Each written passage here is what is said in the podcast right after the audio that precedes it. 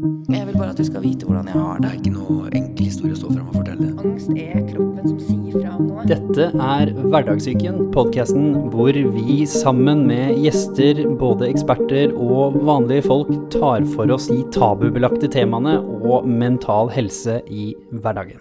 Velkommen. Så velkommen tilbake til eh, Hverdagssyken til alle dere som lytter på, og velkommen til alle gjestene mine. Det er fullt hus i dag. Herlig. Ingen som tør å si noe. Er så- Vi vet ikke, vi vet ikke om vi får lov. Jeg vet i hvert fall ikke når jeg skal få lov. Her er det bare å si hei, vet du. Hei, hei. Hei. Hei, hei. Veldig glad for å være hos deg, Jemmy. Veldig glad for å ha dere her òg. Og, og i dag så skal vi rett og slett snakke om eh, Det er jo et tema som vi har vært innom innimellom, men vi skal snakke litt sånn ekstra om det i dag. Og da skal vi spisse det ned i hvordan livet kan være utenfor arbeidslivet. Og ikke minst hvordan man kan finne en form for mening og glede med livet allikevel. Fordi det er jo i det tradisjonelle samfunnet så er jo veldig mange av oss som har på en måte forbundet det livet med arbeidslivet. Eller å være forelder, som for så vidt også er en jobb. Så på en måte, man har jo gjerne studie, liksom familielivet, eller arbeidslivet. Men hvis man da kanskje liksom havner utafor de tradisjonelle normene, som Absolutt. gjestene våre og fagpersonen har litt kål på, så følger en del følelser med det. Og der skal vi både få høre to veldig forskjellige historier, men som treffer på like følelser. Og selvfølgelig få noen fagtanker. Og ikke minst to flotte eksempler på mennesker som har klart å skape det jeg ser på som, som allikevel at dere har litt eh, ekstra glimt i øyet, og dere har skapt et liv, selv da utenfor de tradisjonelle rammene. Og har på en måte ikke kommet tilbake i de tradisjonelle rammene heller, fordi det skal ikke alltid være svaret. Vi skal ikke alltid ha en episode som handler om hvordan komme tilbake i jobb. For det er ikke alle som nødvendigvis det passer for, eller som får det til. Og da må man jo skape et liv utafor ramma, altså. Det skal vi snakke om i dag. Så før vi går inn i det, så skal vi få lov å bli litt kjent. De skal få lov å fortelle litt historien sin òg, så vi kan begynne med, med fagsiden. Ja. Hvem er nå du for en kar? Jeg er eh, Håkon Rydning, eh, psykologspesialist. Jeg driver eh, privat praksis på Majorstua, som jeg har gjort nå i snart tre år. Så jeg antar det er derfor jeg er her, siden jeg er som, som fagperson, da. Stemmer det. Ja.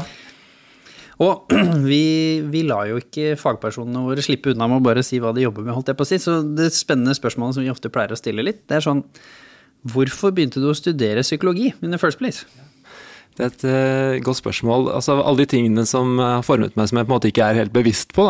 Sånn, eh, så, så, så det jeg vet, er at jeg var, eller alltid vært veldig nysgjerrig på relasjoner og folk.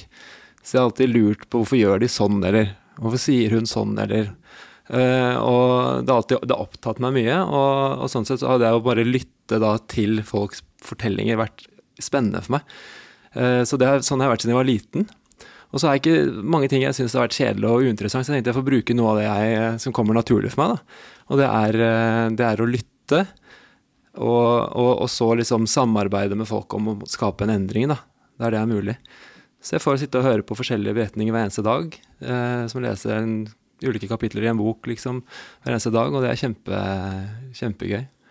Og så begynte du på et studie som ikke akkurat er fem minutter, så man må jo på en måte ha motivasjonen til å komme seg gjennom dette her òg. Ja. Men, men hvordan havna du på en måte kanskje litt inn i det sporet som vi skal snakke om i dag, da? Det med å hjelpe folk til å mestre det å havne utenfor arbeidslivet, og enten da komme tilbake igjen på et eller annet tidspunkt, eller å skape da et liv utenfor rammene. Hvordan ble det et interessefelt? Det har kommet eh, underveis i, jobben, ettersom det på en måte er et felt som skaper ubehag for mange og vanskeligheter. Så det er naturlig at mange da oppsøker hjelp, fordi det er tøft å leve sånn. Eh, du kan utvikle diverse plager, og så, så sånn sett så har det bare gjennom møter med mange folk, så har det formet seg sånn at jeg har endt opp med å jobbe med mange som opplever eh, stressplager, eller ikke, ikke klarer å jobbe av ulike grunner, eller så har jeg liksom bare blitt vant til å, å snakke med dem, og jeg syns det er utrolig viktig. For det, det, gjelder, det kunne vært hvem som helst av oss. ikke sant? Så det er like aktuelt for meg som det er for dem. Uh, så er det tilfeldigvis sånn at jeg er i den rollen jeg er nå, hvor jeg kan bidra med som en fagperson. Men jeg syns det er et veldig viktig felt å belyse og, og normalisere. Og så har vi jo med oss to flotte kvinner som har eh, levd og erfart dette selv. Så vi kan jo kanskje begynne med Anette.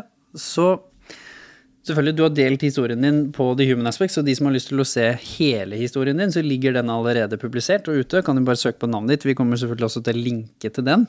Men hvis du skal på en måte gi den litt kortere versjonen da, av hva som gjorde at du havnet utenfor Og du kan gjerne begynne med å fortelle hvem var du før du ble syk? fordi det er for meg også en veldig viktig del av historien. fordi man har gjerne en del fordommer og tanker om folk som har havnet utenfor arbeidslivet og kanskje ikke finner veien inn igjen.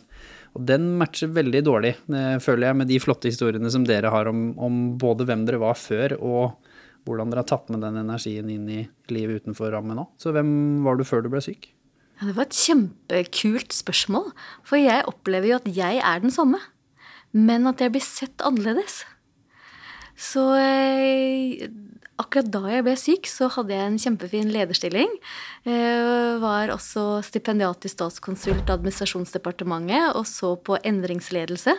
Noe jeg har fått veldig stor glede av i mitt eget liv, sånn, eh, da sykdommen rammet meg. Så jeg var 25 år og eh, forelsket. Min første faste jobb, og så fikk jeg kyssesyken. Og etter det så har ikke kreftene kommet tilbake. Så jeg ligger jo sånn eh, praktisk ja, mellom 15 og 20 timer i døgnet i liggende stilling. Og her hos oss så Så har jeg beina høyt. Sånn at jeg kan eh, holde litt lenger før eh, det blir veldig synlig hvor dårlig jeg egentlig er. Mm. Og husker du første gangen du da på en måte kom til den tanken, eller sammen med en fagperson kom fram til konklusjonen om at ja, jeg tror kanskje ikke du skal tilbake til arbeidslivet? Ja, altså nå har jeg vært syk i 28 år og er 52. Og ennå så har ikke jeg konkludert sånn. Eh, jeg eh, fikk full uføretrygd i år 2000 etter fem år med veldig slit. Eh, og da så ikke jeg på det som en definisjon eller en prognose. Jeg så det som en økonomisk ordning som heldigvis velferdssamfunnet kunne gi meg mens jeg venta på å komme tilbake. Så jeg har på en måte aldri eh, konkludert med at nå er det slutt å bidra i arbeidslivet. Men eh, kroppen har fra den dagen jeg ble syk, ikke klart å, å, fungere sånn som en kropp må, hvis du skal være å stole på i et arbeidsliv. Og hva slags måte, sykdom er det som du har eh, fått fra på det helsevesenet nå? oppi dette? Ja, det, jo, det spørs jo helt hvem i helsevesenet du spør, fordi jeg har en diagnose som er veldig omstridt. Eh, som heter ME, eller chronic fatigue, altså kronisk utmattelsessyndrom, som ikke handler om å være trøtt, men å være generelt utmatta. Så hvis jeg beveger meg eller eh, tenker mye, så får jeg en utmattelse som tar lang tid å komme seg fra. Så det er mitt største symptom. Og så kan jeg streve litt kognitivt, så nå husker jeg ikke hva du spurte om. du svarte på det jeg spurte om, så det, det var jo flaks. Det var perfekt. Og jeg skal klare å spørre to ganger òg, jeg. Ja, det er bra. Jo, um, Bente, før vi da skal gå tilbake til de følelsene og de tankene, og jeg skal spørre dere litt mer konkrete spørsmål om dagens tema, men mm. hvem var du på en måte før du møtte på dine utfordringer? Kan ikke du beskrive det litt samme som, som Anette? Eh, jeg, var, jeg har alltid jobba vanvittig mye. Jeg var hotelldirektør i 15 år. Og eh, hadde ett hotell i 15 år, og de to siste årene hadde jeg to hotell. Og jeg var fylkespolitiker, satt i fylkestinget, var vara til Stortinget. Jeg eh, var nestleder i Anor Reiseliv for Agder og Telemark. Og veldig mange underverv i forbindelse med forskjellige som jeg ikke trenger å gå inn på nå, for det blir så mye. Men eh, ja, jeg hadde veldig mye arbeid og veldig mye å gjøre. Og så begynte det med ryggproblemer. Så det ble liksom til at jeg kunne fortsette med vervene mine og sånne ting, men det ble for tøft å være hotelldirektør for to hoteller. Så derfor så sa jeg opp den stillinga. Først var jeg jo sykemeldt, men så tenkte jeg det å lure ledelsen og tro at jeg skal komme tilbake igjen. Så derfor sa jeg opp den jobben, og så starta jeg min egen klesbutikk, for jeg tenkte også å jobbe ifra altså fra å ligge på 250-60 timer i måneden til så å drive klesbutikk og reise til Italia, og kjøpe inn noen kolleksjoner og jobbe fra ja, si ti til fire, liksom, og så ha administrasjonen utenom med to ansatte, det ville være ingenting, følte jo jeg der og da, så det skulle jeg ta på strak arm, liksom. Så for å ha noe å gjøre da. Men så gikk det jo gale, om jeg skal komme inn på det nå, men eh, altså, så stoppet jo på en måte mitt pga. at jeg ble så overmedisinert. Jeg gikk opp medisiner pga. ryggen. Og de medisinene måtte du ha mer og mer av. Og 2015 gikk det veldig greit på butikken. Da gikk jeg eh, med et bitte lite overskudd eller i balanse, så den gikk greit. 2016 begynte det å gå ikke fullt så greit. Og så begynte jeg jo å slite veldig i forhold til at jeg begynte å bli veldig trøtt, og at jeg eh, Og ja, det var som jeg har fortalt i det andre intervjuet jeg var på, at jeg har til og med et par tilfeller at jeg sovna på jobb. Og eh, da fant jeg ut at jeg må bare holde meg hjemme. Og jeg brukte masse av min økonomi for å ikke gå konkurs. Og sykdommen har jo kosta meg sekssifra beløp. Og så ble jeg gående hjemme da, etter hvert. Så det kan vi gjerne komme inn på seinere. Men eh, jeg gjorde som deg, så gikk jo jeg over til stritta imot lenge. Men det var det siste liksom, sparket jeg fikk. Det var at jeg ble overmedisinert, og faktisk Norges verste overmedisinering noensinne. Ingen skjønner jeg er i live. Og så ble jeg totalt 100 ufør som følge av det. Og ditt intervju kommer, så det er ja, i anmarsj. Så de som skal få høre hele der, de skal altså få muligheten til å høre det. Ja. Jo, vi Kan ikke du på en måte først kommentere litt, liksom Hva er det du har møtt på som er av liksom spekteret av mennesker som har havnet utenfor. Fordi, for det er jo veldig variert. Nå fikk vi jo bare to eksempler. Nå fikk vi liksom kyssesyken som kan føre til andre former for sykdommer. Vi har ryggproblemer, klassisk, samme som, som jeg har hatt, som førte til en form for overmedisering. Noe feil fra helsevesenet som også kan føre til at man havner utenfor arbeidslivet. Men, men hva er på en måte de andre store eksemplene som du har møtt på? Veldig mye, veldig mye utbrenthet det, det syns jeg dukker opp eh, mer og mer, egentlig. Eh, folk som har bare blitt totalt overbelastet og, og ikke klarer å prestere mer. Eh, så det er en stor gruppe. Og så er det jo eh, mange psykiske vansker som gjør det vanskelig å jobbe også. Som f.eks. hvis du får sterk angst eller eh, depresjon som på en måte utfordrer evnen din til å klare å fullføre oppgaver. Så den biten, den gruppen, er jo er vesentlig. Og så er det eh, kroppslige plager. Ulike kroppslige plager som altså smertetilstander. Som blir så påtrengende og vonde at det rett og slett ikke lar seg gjøre å, å, å stå i jobb. Da. I hvert fall ikke fullt, fullt ut.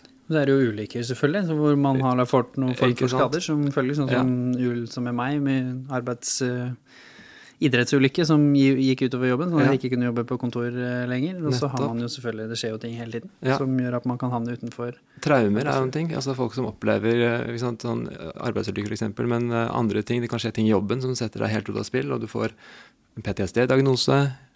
Klarer ikke å jobbe i det hele tatt. Ikke Bygge det opp. Så det er, det er, mange veier ut av jobb, egentlig. Mm. Og når man først havner utafor Du var inne på det i stad så sa du at folk ser deg litt annerledes, føles det som. Ikke sant? Men det starter jo kanskje med en selv. Fordi man, Det var derfor grunnen til at jeg spurte litt spørsmål også. For det er jo litt det jeg har opplevd også som, som pårørende for, for, en del forskjellige typer mennesker da, gjennom familie og, og venner som, som, har havnet utenfor arbeidslivet over lengre tid. Og det er jo gjerne kanskje at det er like mye hvordan du ser på deg selv, og hvordan du frykter andre skal se på deg selv. Kanskje spesielt i starten, før det da begynner å kanskje bli også andre mennesker som ser annerledes på deg. Så hvordan var det for deg som du var 25, som du sa? Du, liksom, du hadde jo kort på ting, du hadde sikkert store planer og ambisjoner der også. Og så begynner jo liksom tiden å gå, da. Så uansett om du definerer det sånn eller ei, så begynner man jo da, som du sier, å få kanskje litt andre tanker om seg selv og et litt annet selvverd. Så hvordan utviklet det seg for, for deg jo lenger tid som gikk? Ja, i starten så, så syns jeg eh, Altså, jeg, jeg kjenner meg selv så godt, så min verdi var så grunnfesta i meg. Så selvverdet mitt har jo blitt mindre i møte med fordommer mot sykdommen og i møte med Nav og helsevesenet generelt. Så, så jeg opplever jo at uh, at noe ble tatt fra meg. Ikke bare min evne til å jobbe med sykdommen, men jeg var vant til å bli hørt. Jeg var med på en treårig ledertrenings... Altså i Genéve. Jeg var vant til at når jeg sa noe, så hørte folk etter. Eh, I de vervene jeg hadde, så ble jeg alltid hørt på og lytta til. Så, så jeg ble så forundra når Når mine ord ikke betydde noe lenger. Når jeg kom til Nav, og de snakka det, det het jo Trygdekontoret den gangen. De snakka til meg som om jeg var en sånn lat drittsekk.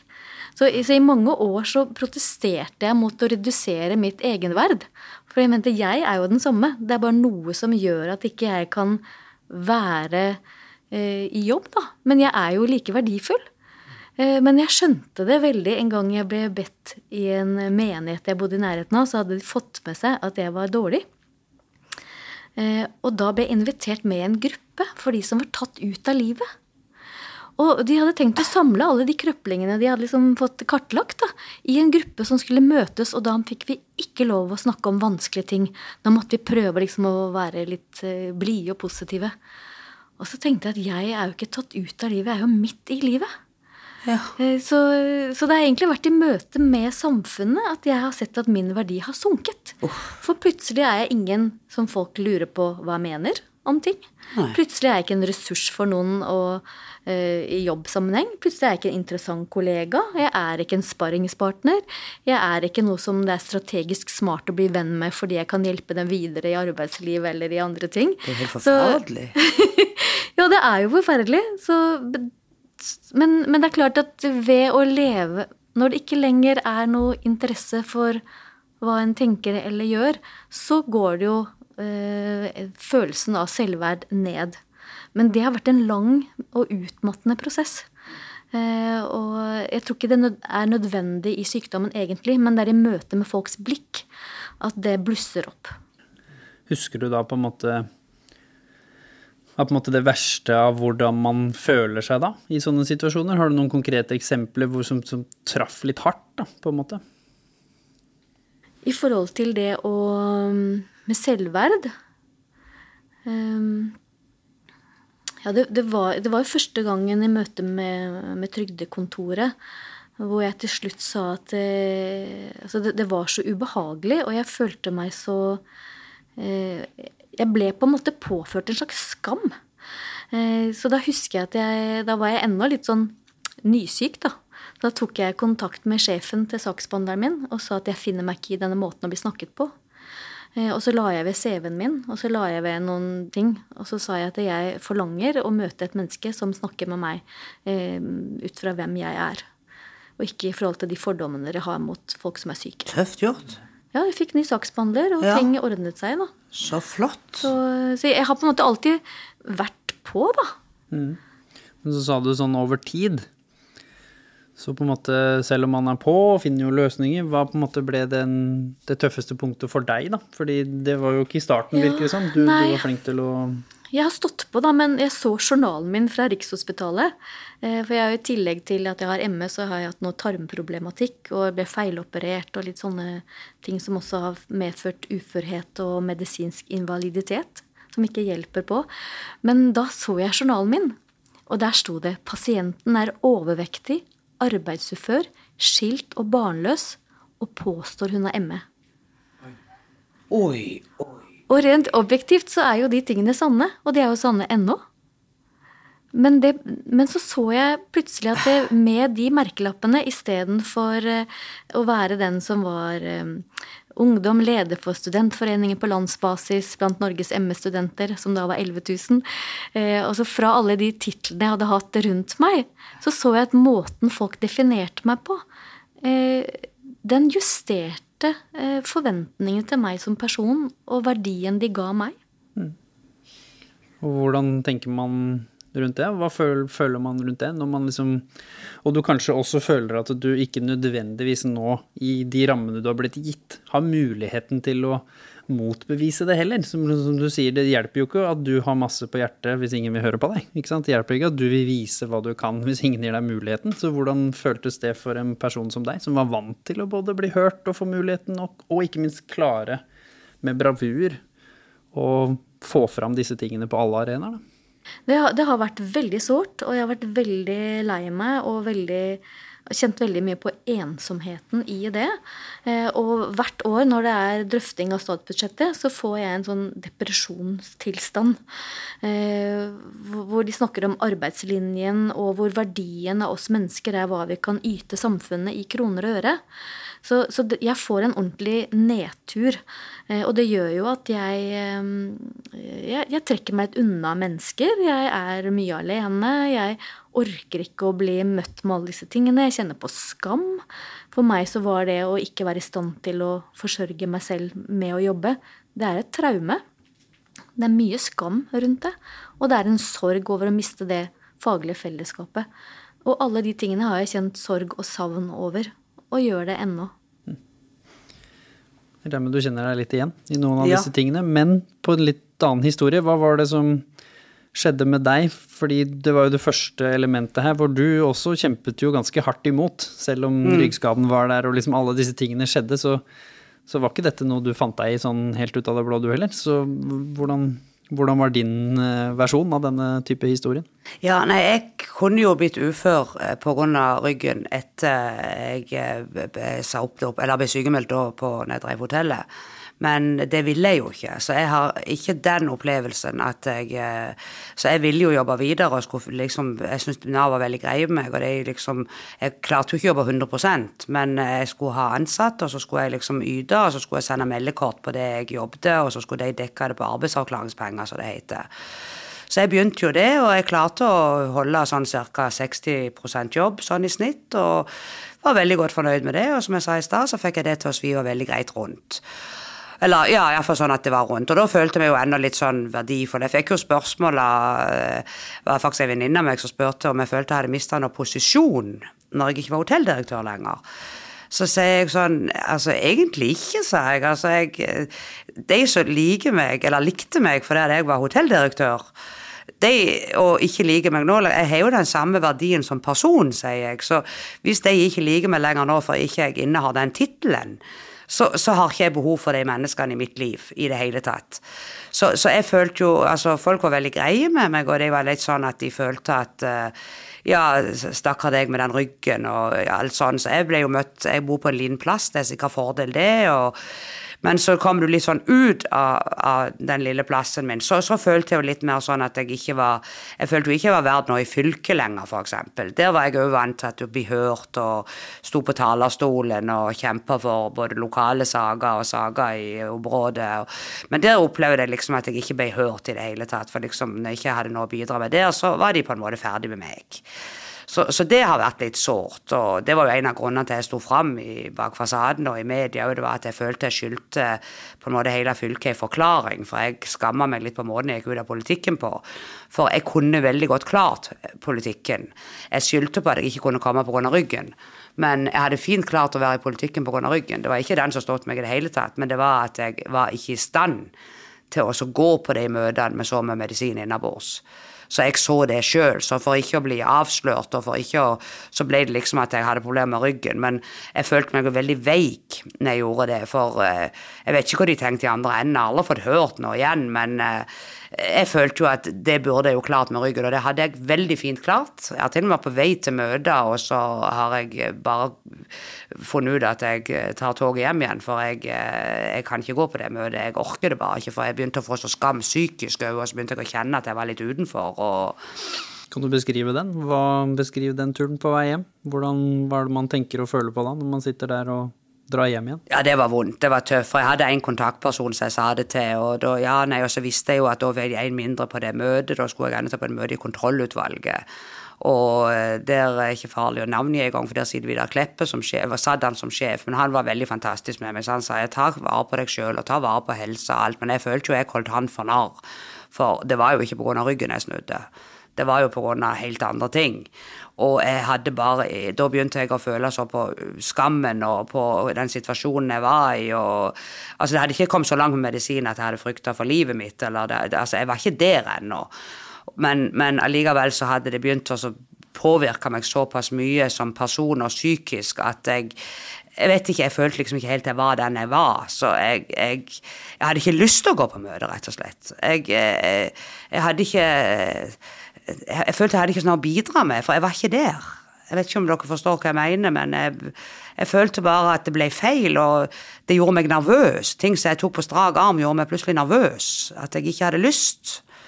Så, så jeg, jeg backa jo ut, rett og slett. Og det er jo sårt for en person som meg å gjøre å backe ut, for jeg har aldri backa ut. Aldri. Jeg har alltid stått på. Har jeg, lover jeg noe, så holder jeg det. Men jeg ble jo en mester i å bryte avtaler på en litt elegant måte, for det var pga. ryggen. Men jeg har jo holdt veldig mange folk for narr i forhold til at det var pga. ryggen. For det var ikke pga. ryggen. Selvfølgelig hadde jeg dager jeg var dårlig på under ryggen. Og jeg har utallige avtaler jeg har brutt selvfølgelig for jeg ikke har kommet ut av senga. Og det har jeg jo vitne på, det har mannen min som har sett at jeg har ligget der. Men det er jo utallige avtaler jeg ikke har brutt mens jeg fortsatt har sittet i mitt eget hus. Og bare ikke følt at psyken gjorde meg i stand til å gå ut av det huset. Når jeg venta med å gå og handle til klokka var ti på elleve på kvelden, så ingen skulle møte meg. Så jeg vet ikke om det var svar på spørsmålet, men det, det, sånn følte jeg det i hvert fall. Du nikker. Fagpersonen nikker. Kan ikke du kommentere litt fra siden? Både i form av hvor vanlig og ikke vanlig det er, men også gjerne hva er det som skjer her? Når vi i et samfunn som Norge, nå var jo Anette inne på det, som samfunn definerer det som din bidrag i samfunnet er liksom målt i kroner og øre, og gjerne målt i en form for arbeidsinnsats, eller på hjemmebane med familien. Det er liksom gjerne de to boksene, og så har vi litt sånn feriepause der som studenter. Men det er liksom, det er akkurat som om det ikke er noen andre alternativer. Ja, ikke sant? Begge to nevner jo skam som en eh, sentral, mm. sentral, et sentralt produkt, og det er jo ikke rart i det hele tatt. Både basert på, som, som du Annette sier, måten man blir møtt på, at opplevelsen din faktisk liksom betviles på en eller annen måte. Og det er utrolig frustrerende. Uh, og det er litt sånn, litt sånn der, uh, veien til helvete er brolagt med gode intensjoner.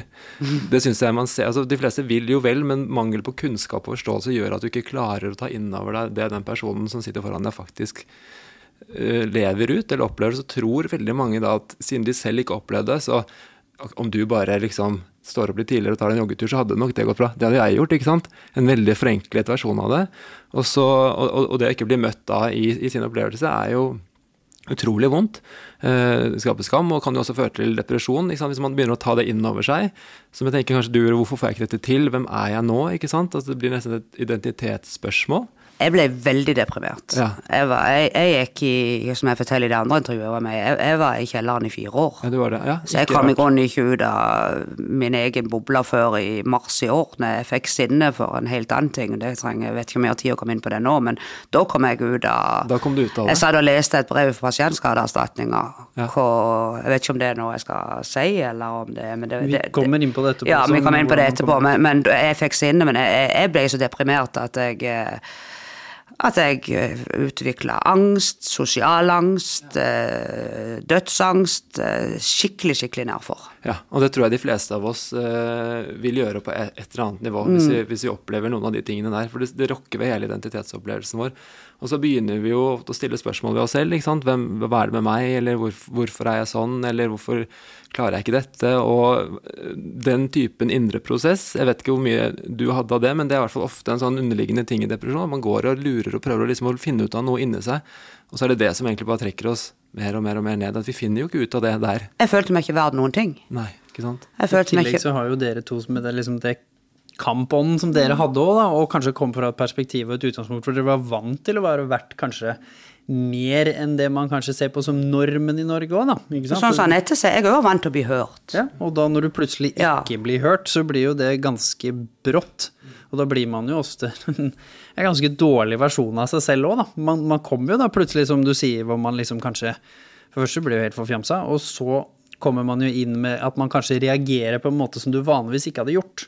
Så det kommer på toppen av det at du ikke blir hørt i utgangspunktet, og så kludrer man det kanskje liksom enda mer til, for da sitter jo den andre saksbehandleren på andre sida der og i hvert fall føler at For nå er du i forsvar, ikke sant. Så her ser du, jeg traff en nerve, vet du.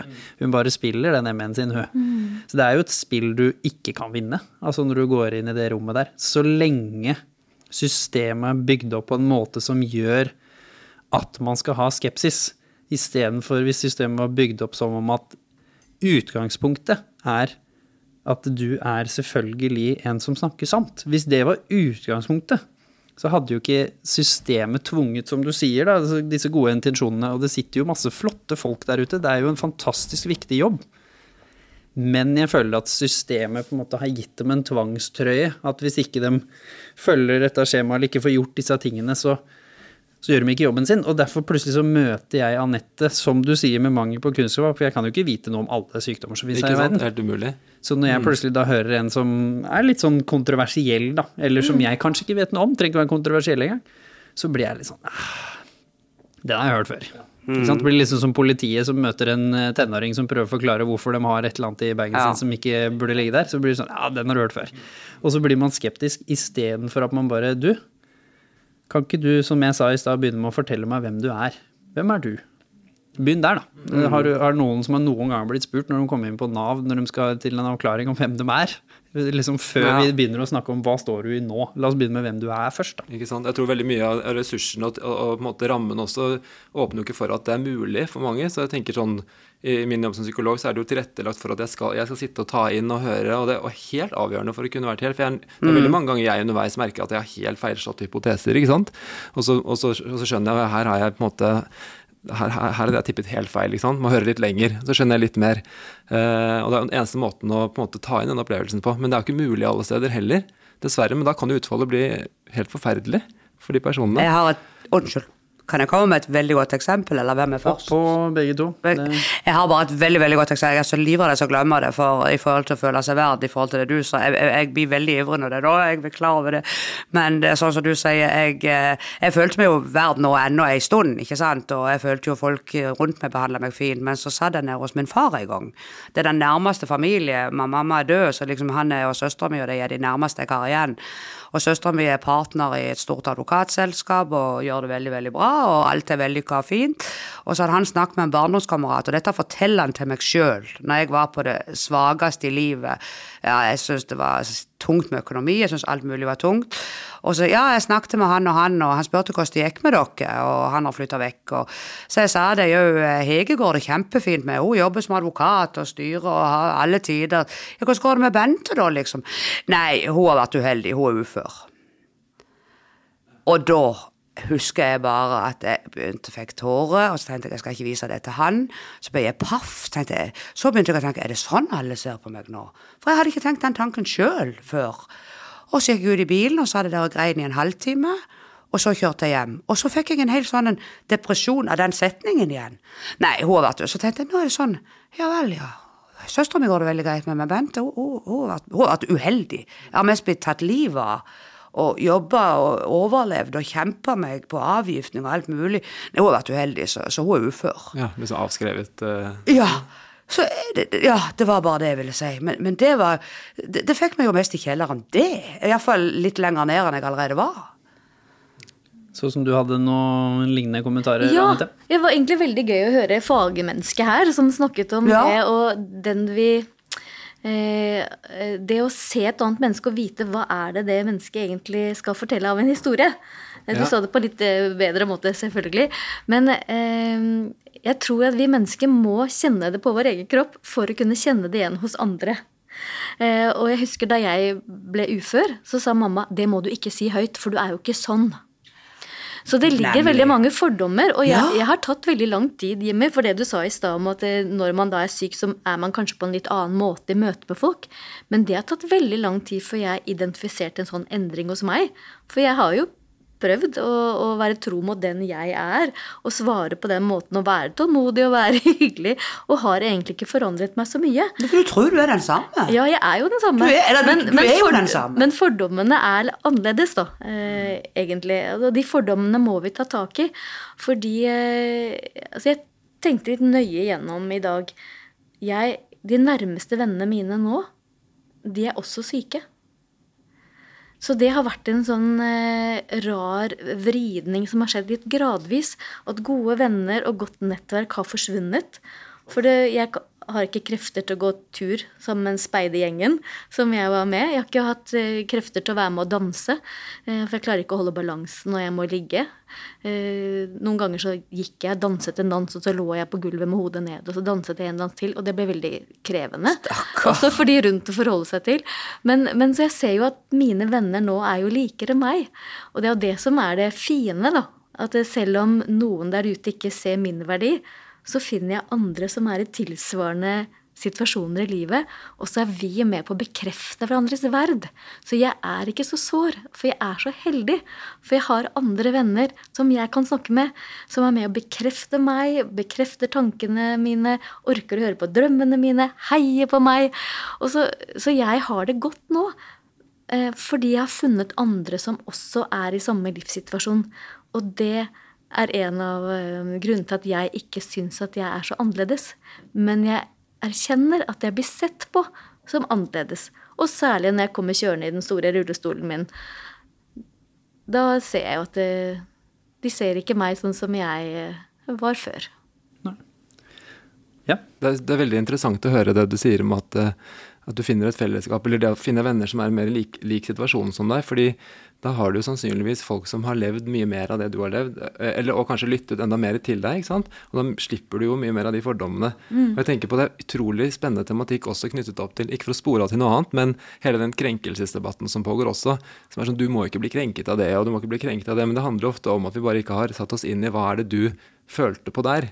Vi gjør ofte ikke det, for vi, klar, vi har ikke takket tid, eller vet ikke hvordan vi skal liksom ta inn over oss en annen persons opplevelse. Men hvis vi hadde gjort det, så hadde det sannsynligvis, eller nesten alltid gitt mening, ikke sant? Ja, og noen ganger så var en som sa til meg du må ikke være så fortvilet over at folk ikke forstår deg. Tenk hvor heldige de er som ikke har den erfaringen. Å oh, ja, ja. Var ikke det nydelig? Ja. Så når jeg snakker med noen som ikke forstår hvordan det er å være ufør, som kanskje har de fordommene som er litt sånn aggressive, tenk at de har sluppet unna den dyrekjøpte erfaringen din. Unn dem det, da. Livet rammer oss alle. Det, får du til det? Okay. Ja, jeg syns det er en kul måte å se verden på. Da. For de har jo sluppet den erfaringen, så de kan ikke vite hvordan det føles. For de har aldri opplevd det. Nei. Nei, sant Det er jo noe som er litt spennende med det, da. Det er jo som du sier at det er jo igjen tilbake til systemet som man møter, om det er fastlegen, eller om det er Nav, eller om det er psykologen, for den saks skyld. så kan man jo ikke ha egenlevd erfaring på alt. Det er jo noe av grunntanken i både podkasten Human Aspect, nei, Hverdagssyken og Human Aspect-biblioteket, som dere har delt. Det er jo for at man skal kunne by på disse erfaringene litt rikere. For jeg tenker at det er viktig at vi begynner å anerkjenne det, at vi sier det høyt, istedenfor å gå og late som at vi som fastlege eller som psykolog eller som Nav-saksbehandler skal bli den som tror du vet hvordan den andre har det, bare fordi du har møtt mange som du putter i den boksen. Fordi da leiter du etter å putte deg opp i den boksen. Ja, bra. bra For det er ikke det samme. Fordi hvis man heller hadde vært litt mer jeg er ikke jeg verdens største fan av ordet ydmyk, men hvis du hadde vært litt mer åpen og sagt at alle mennesker som kommer inn hos meg, de passer ikke i utgangspunktet i noen boks. I systemet mitt så må jeg tikke av en eller annen boks på et eller annet tidspunkt, fordi hvis ikke så, så stopper det her, på en måte. Så det kan man jo anerkjenne som foreløpig. Men som jeg sa, her, la oss være nysgjerrig først. Og så jobber vi ut fra et perspektiv innenfor de rammene man har, enten som psykolog, fastlege eller i Nav, for hvordan vi sammen, du sa det så fint i stad, du samarbeider med, klientene dine om å skape endring, sa du. Du sa ikke nødvendigvis hvordan endring. Du sa ikke stor, du sa ikke Nei, liten, sant? du sa ikke tilbake i jobb, du sa ikke ut av jobb. Altså, du sa endring. Og det er jo et veldig åpent, fint begrep. Og du sa også så fint i stad at det er jo en økonomisk hjelp, ikke sant. Det er ikke, det er ikke et stempel for hvem du er i livet. Akkurat som en diagnose er ikke utgangspunktet det, det heller. Det er egentlig sånn halvveis et du får liksom et sånt frikort som, som, gjør at med den diagnosen så er det visse ting du kan få lov til. Så det er nesten som en nøkkel. Men det betyr jo ikke at det, jeg er ADHD.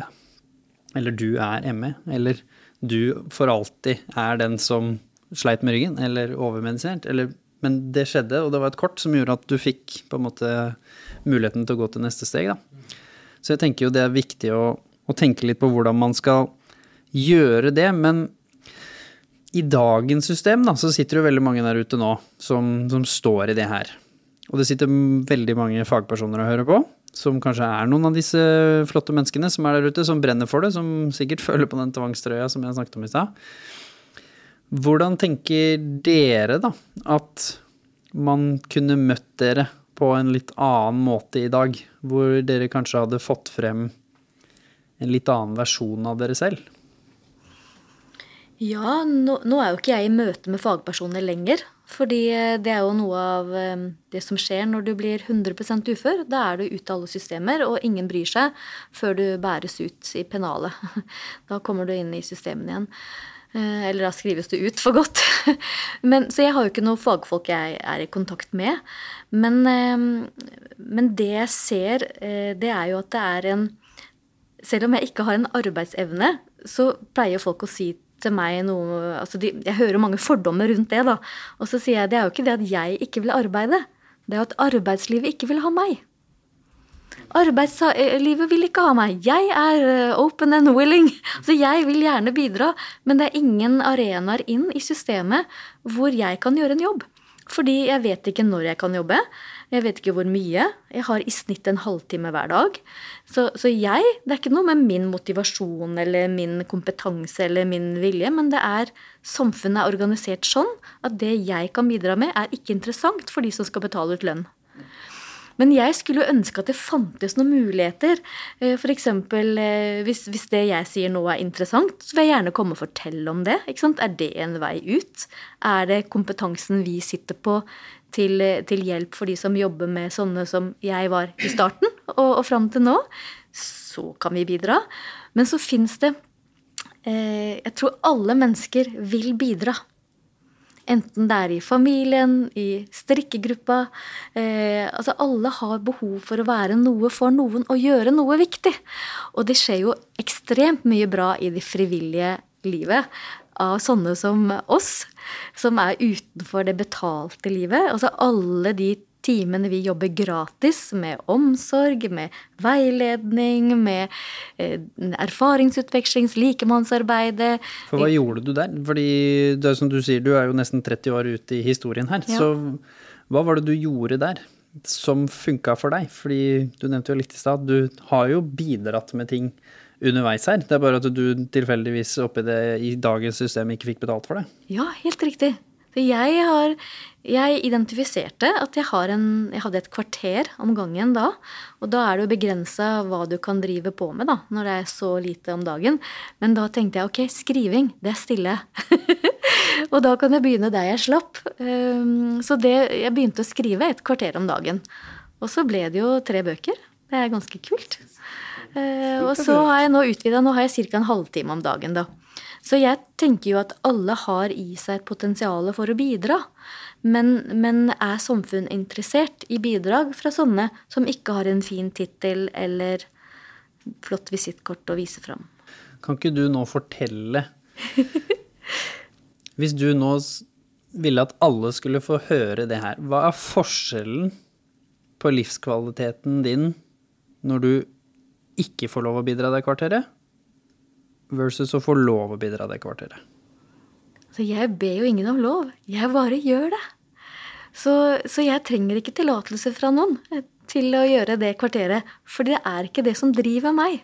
Men hva er forskjellen på kvaliteten? Men livskvaliteten min er, er veldig stor av det å få lov til å gjøre noe med det som er viktig for meg. Og det er jeg som gir meg lov til det. Det er jeg som finner mine prosjekter, og det er jeg som, som gjør det. Og det at jeg Eh, det er jo ikke bare meg. Alle. Jeg tror alle gjør det. Altså, vi finner en vei til å gjøre noe viktig. Enten noen spør om det, enten noen merker det eller ikke. Så tror jeg det ligger Det er akkurat sånn som barn. De, når de går, så tar de ikke letteste veien.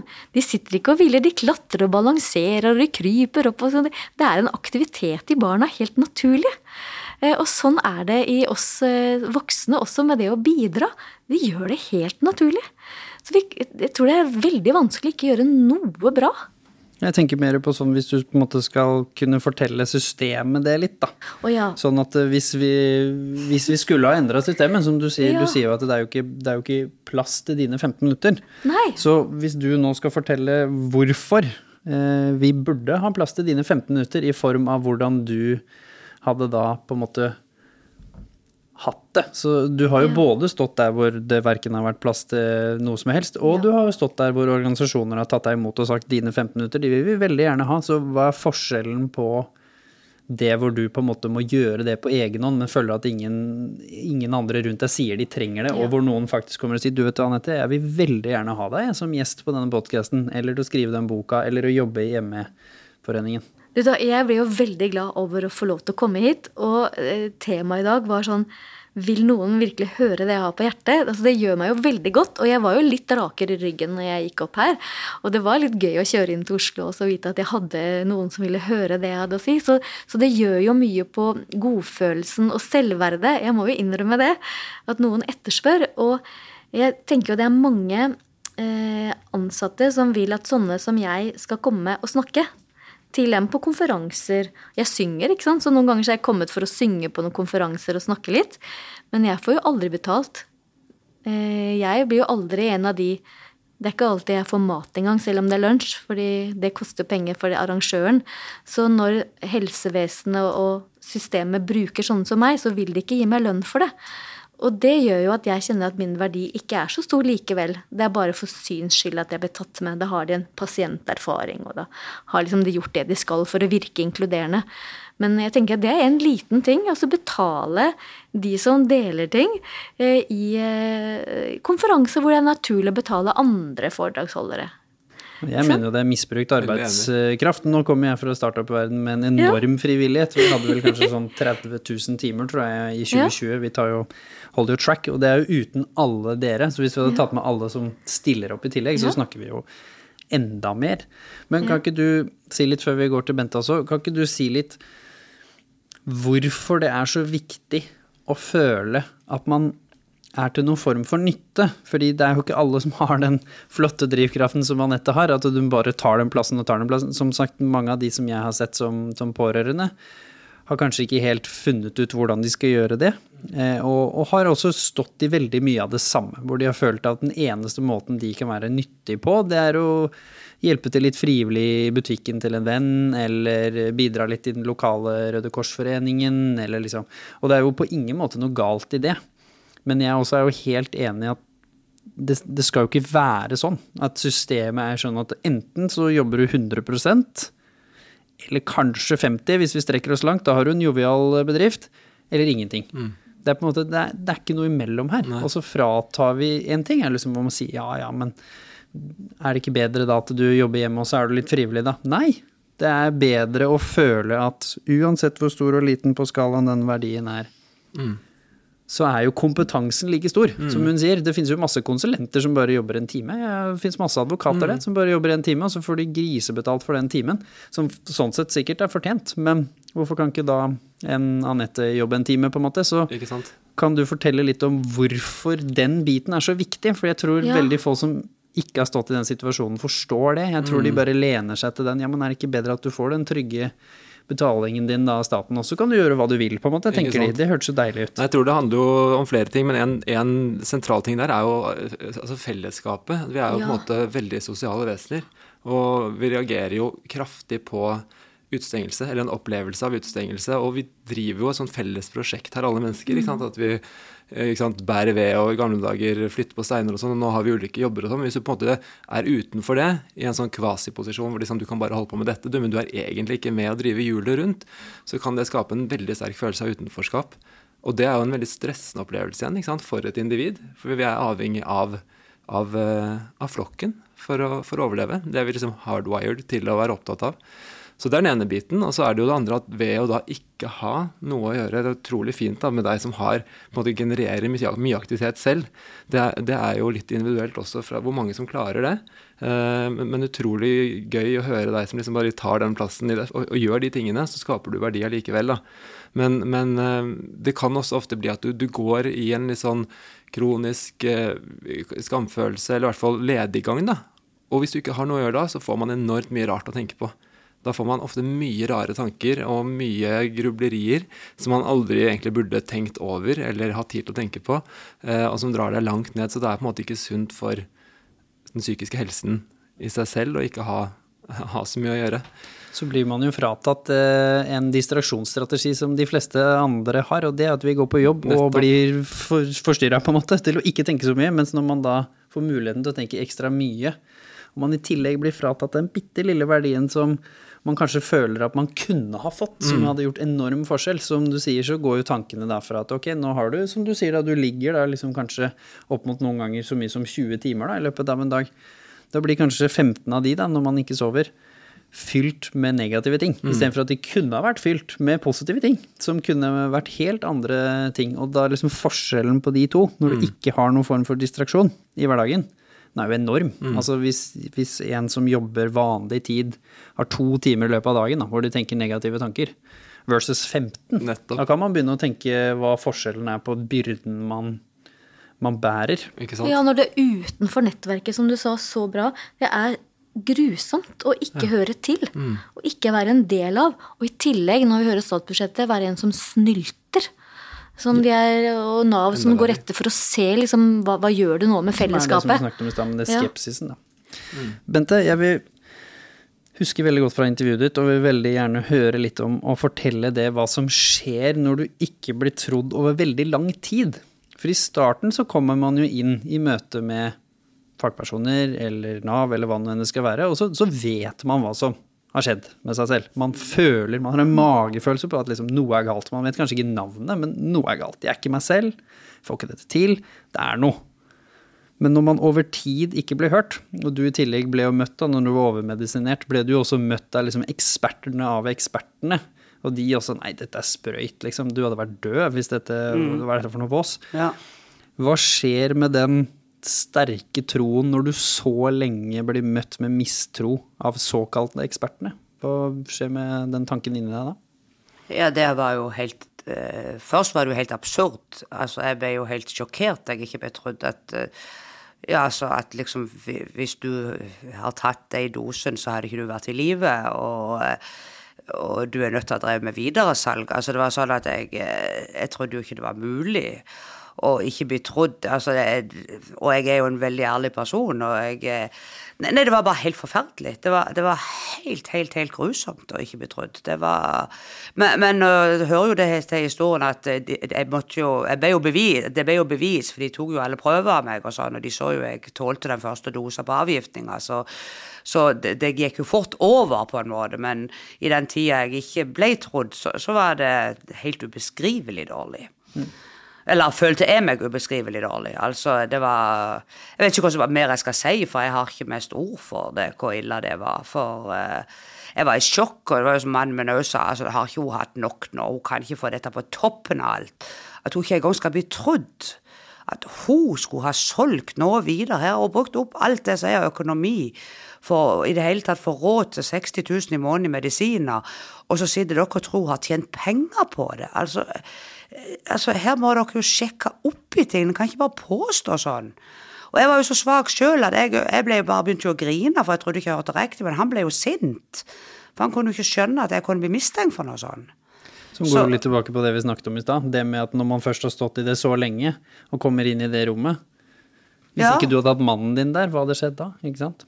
Så det er jo det Nei, jeg, hadde, jeg har jo sagt mange ganger jeg ikke hatt mannen det er så, så, jeg hadde jo blitt trodd, for jeg måtte jo bevise det. Jeg tok jo urinprøver, jeg tok jo blodprøver, jeg tok jo alt, alt stemte jo. Men eh, det har jeg jo sagt takk mange ganger, for hadde ikke hatt mann, men der, så hadde jeg trodd at jeg måtte konvertere over til metadon og ikke kunne trappe ned på det. Så hadde jeg ikke hatt mann, men der, så er jeg redd at jeg hadde stått på metadon i dag. For det sier sjelden at de kommer seg ut av.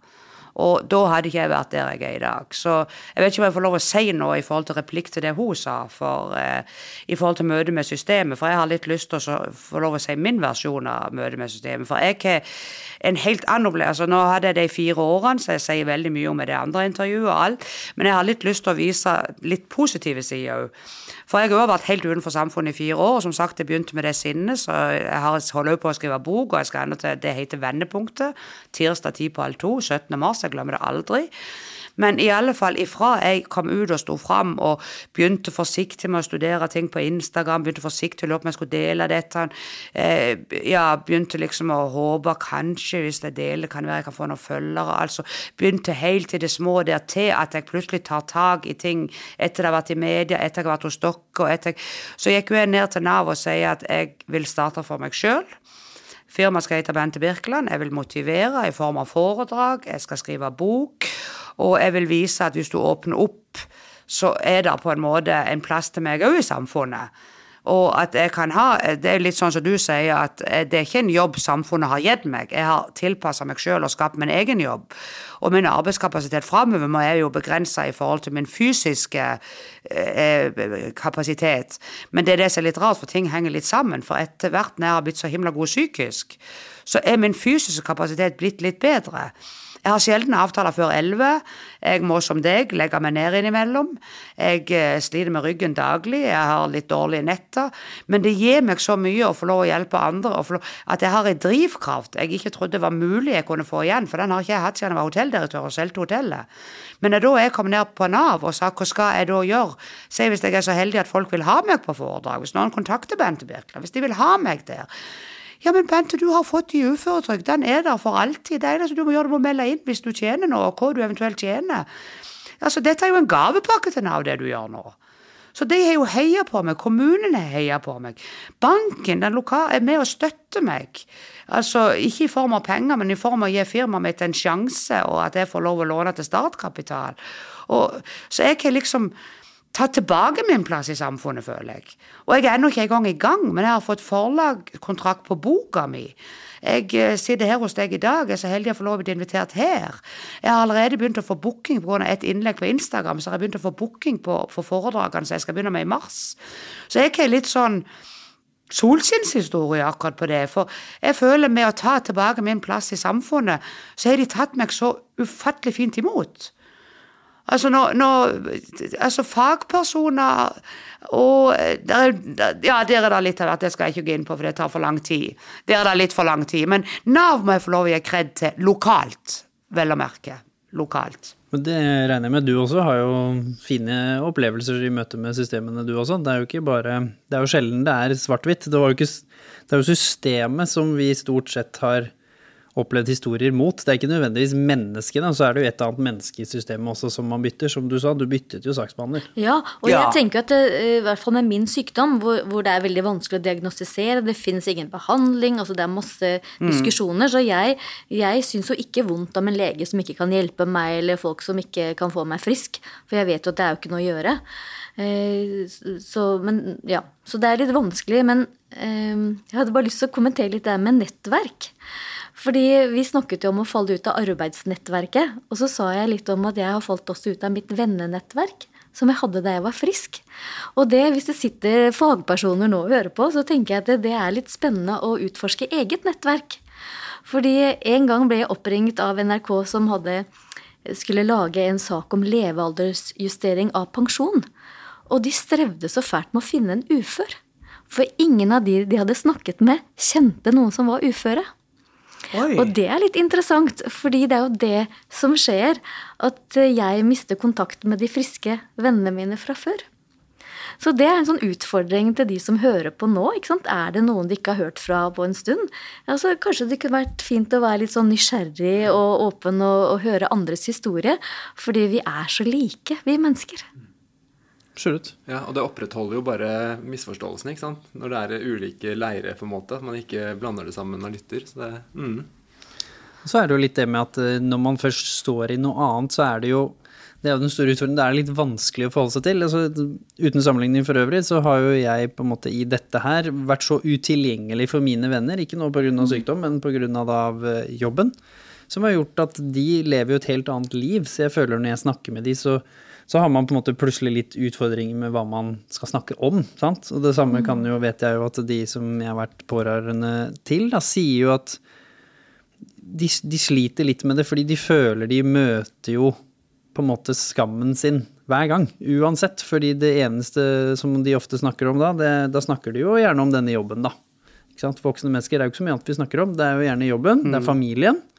Og så er det alle de tinga vi gjør, i hvert fall i dagens samfunn. Så er det jo gjerne da de 100 treningsturene vi har vært på, eller ferien vi skal på, eller Og det er jo mm. kanskje for mange uføre ting som ikke er like tilgjengelig. Samme som for meg, de vennene mine som har det, andre livet, da, hvor de snakker om teater og kino og de tusen ja. tingene de har tid til å gjøre, hvor jeg bare sitter der og bare Ja, det er kanskje i 2022 får jeg tid til det ene og ja. så, så ekskluderer jeg meg selv til slutt. Ikke nødvendigvis fordi jeg har gjort noe galt, men fordi at jeg ikke orker den påminnelsen fordi jeg føler den tynger meg litt ned. Men det er jo det der å finne den balansen. Fordi det er sant. Og det må man jo passe litt på. Kanskje spesielt, det kan jo dere kommentere litt på i deres situasjon, men i min situasjon så har jeg også merket at jeg må ikke fullekskludere meg selv heller. Nei. Jeg må også passe på at jeg har noen sånne som minner meg litt på at det trenger kanskje ikke være sånn her for alltid. Som du sier, du også har jo fått et helt annet liv nå når du har bygd opp et nettverk der, funnet andre aktiviteter. Mens hvis jeg bare henger med sånne som meg, da, hvis vi kan kalle det det, så til slutt så definerer jo jeg hele livet mitt og mulighetene mine som kun det jeg snakker om. Så det er jo sånn klassisk hvis man mener det samme innenfor politikken og bare snakker med de som er enig med deg sjøl så tror du at verden ser sånn ut? Det er så lite spennende som det kan få bli. Men jeg må gi iallfall kred til mine venner, for jeg har virkelig Jeg syns veldig synd på deg som uh, sier at du har mista det du hadde. om. Jeg har fått enormt mange nye etter jeg sto fram, og jeg er så takknemlig for hver en av de nye jeg har fått. Men jeg må jaggu meg gi kred til de jeg hadde fra før òg. De gode altså Selvfølgelig har det forsvunnet noen underveis, men de gode vennene jeg har hatt, noen helt ifra tilbake til barndommen nå, altså, jeg, jeg, jeg håper, og jeg vet at de kommer til å høre denne podkasten. Jeg håper inderlig alltid får uttrykt. Jeg sier hver gang jeg treffer ja, søstera mi, familien min, tantejentene mine og alle de gode, gamle vennene mine jeg, jeg, tror ikke jeg møter dem en gang uten å gi dem en god klem og si jeg er glad i dem.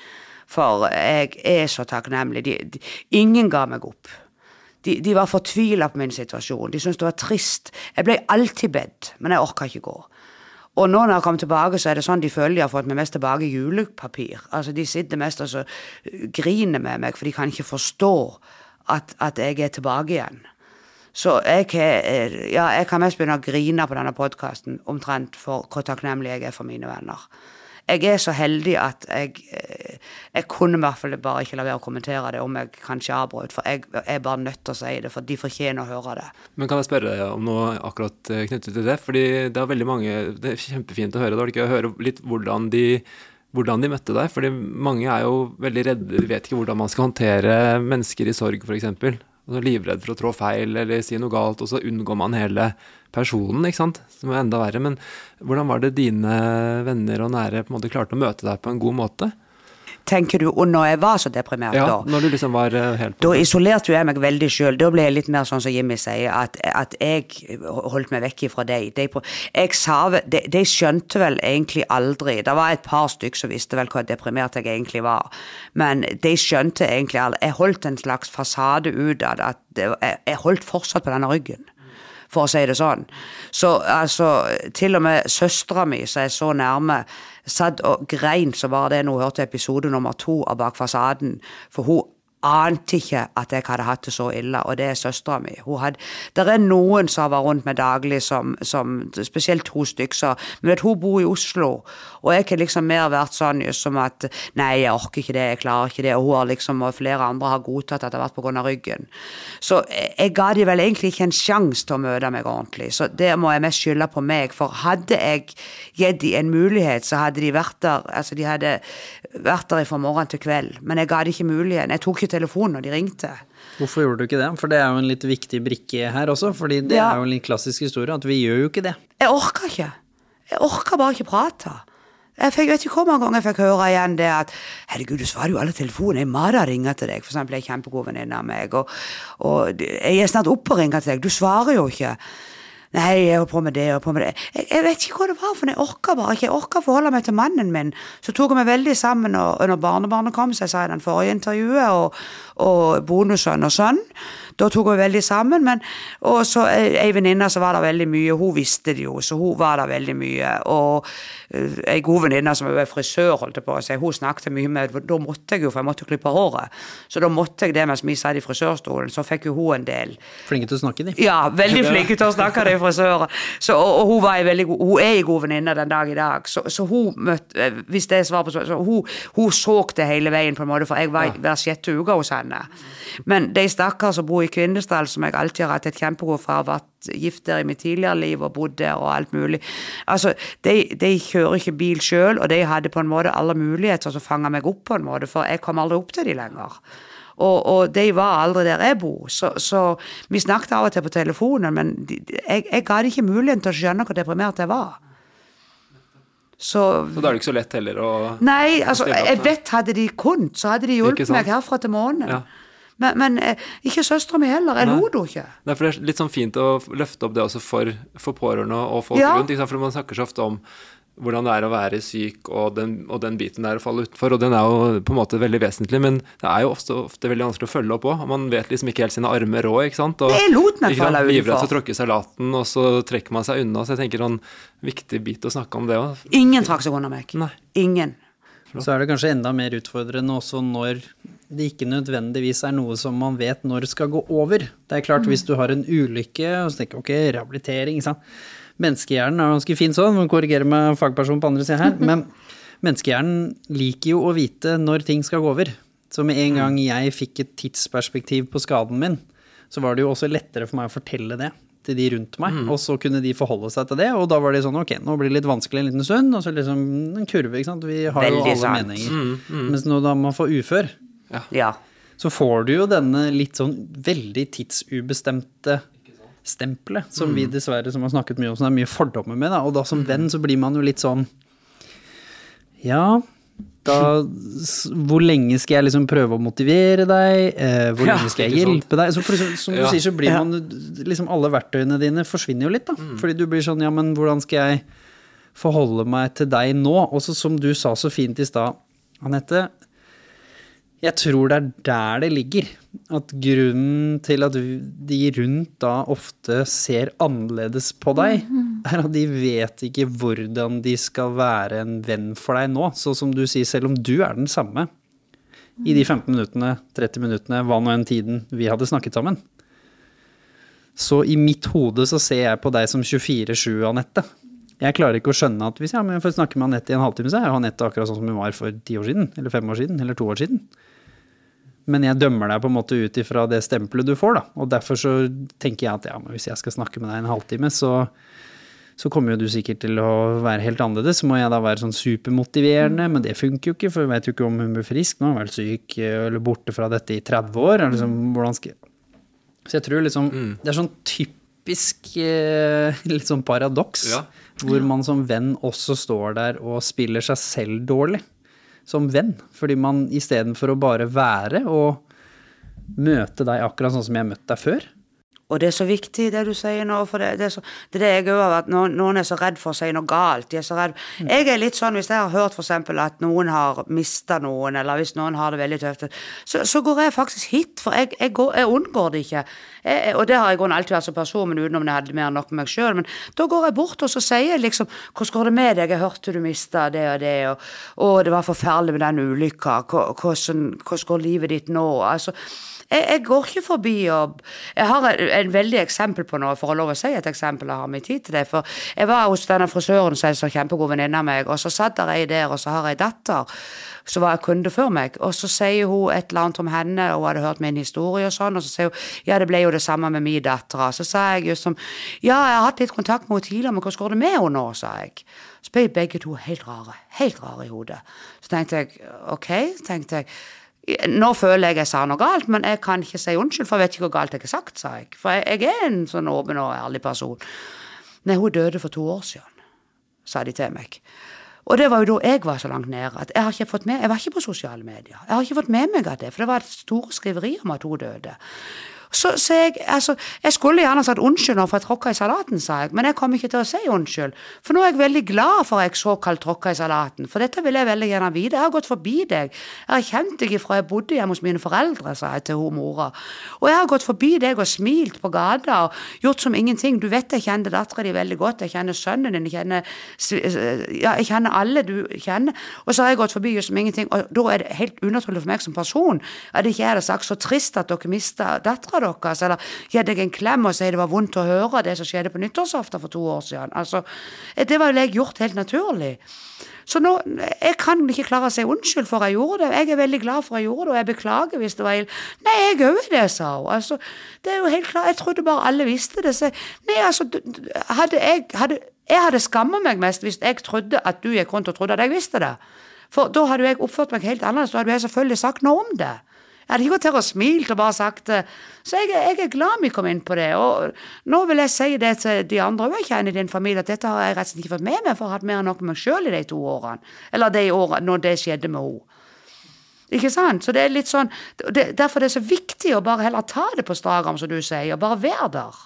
Ja, og autentisk og nysgjerrig har vel sjelden på en måte ført til veldig mye negativt. Og jeg tror ikke det, det finnes ikke noe rett og gal måte å si noe på. Altså Du som er fagperson kan vel snakke mye om det. Det, det er vel ikke sånn at du, du har en oppskrift for hvordan du skal møte Alt alle jeg sier er selvfølgelig alltid riktig.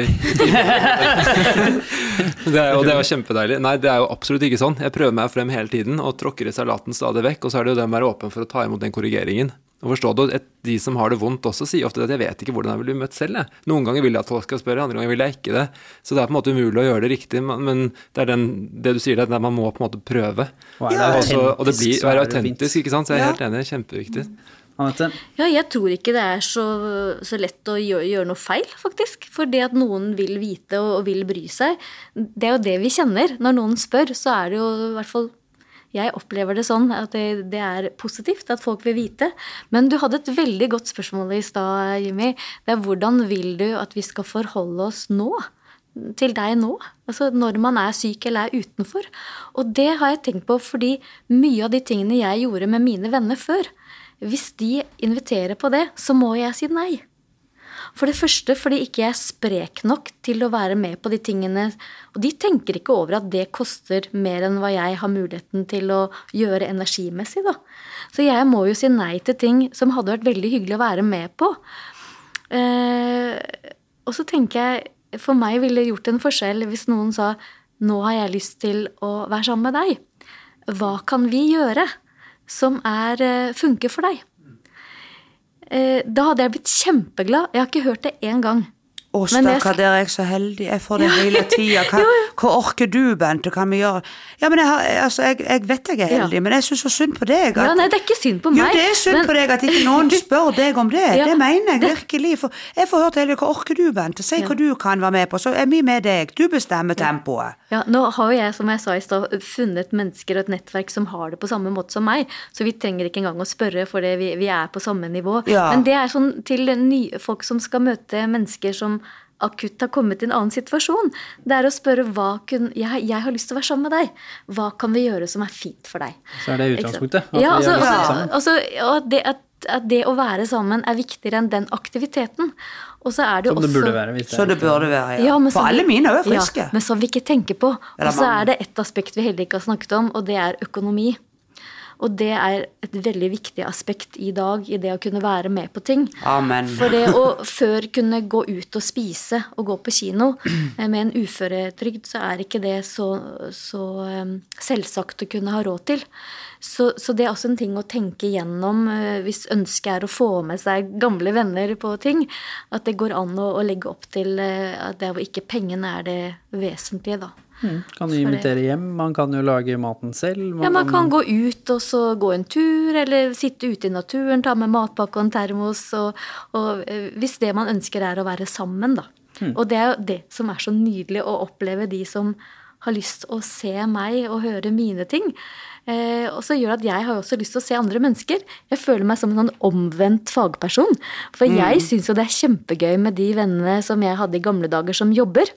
Så de få gangene vi møtes, så blir jo jeg den som er nysgjerrig og lurer på hvordan er det å være i jobb, hvordan er det å ha det ansvaret, hvordan er det liksom å reise så mye, hvordan er det å ha feriehus i Provence, ikke sant. Ja, ja, Altså ja. jeg samler jo andres historier med samme entusiasme og glede. Jo, og det er jo litt fint med den nysgjerrigheten. Går jo begge veier, og beriker jo livene våre, som jeg sa i stad, ved å ha annerledesheten. Fordi det, det er jo det som er lett å miste, fordi den vi, jeg føler vi mennesker er veldig glad i å gjøre det som er lett. Mm. Og det letteste er jo bare å sitte og snakke med de som forstår deg så godt som mulig. Det er jo de som ligner på oss, som Ja. har det som oss, som tenker som oss, som føler Flokken med oss. vår. Flokken vår. Ja, og den endrer seg jo gjerne hvis man får en dramatisk endring i livet som, som dette her kan være, da, med sykdommen.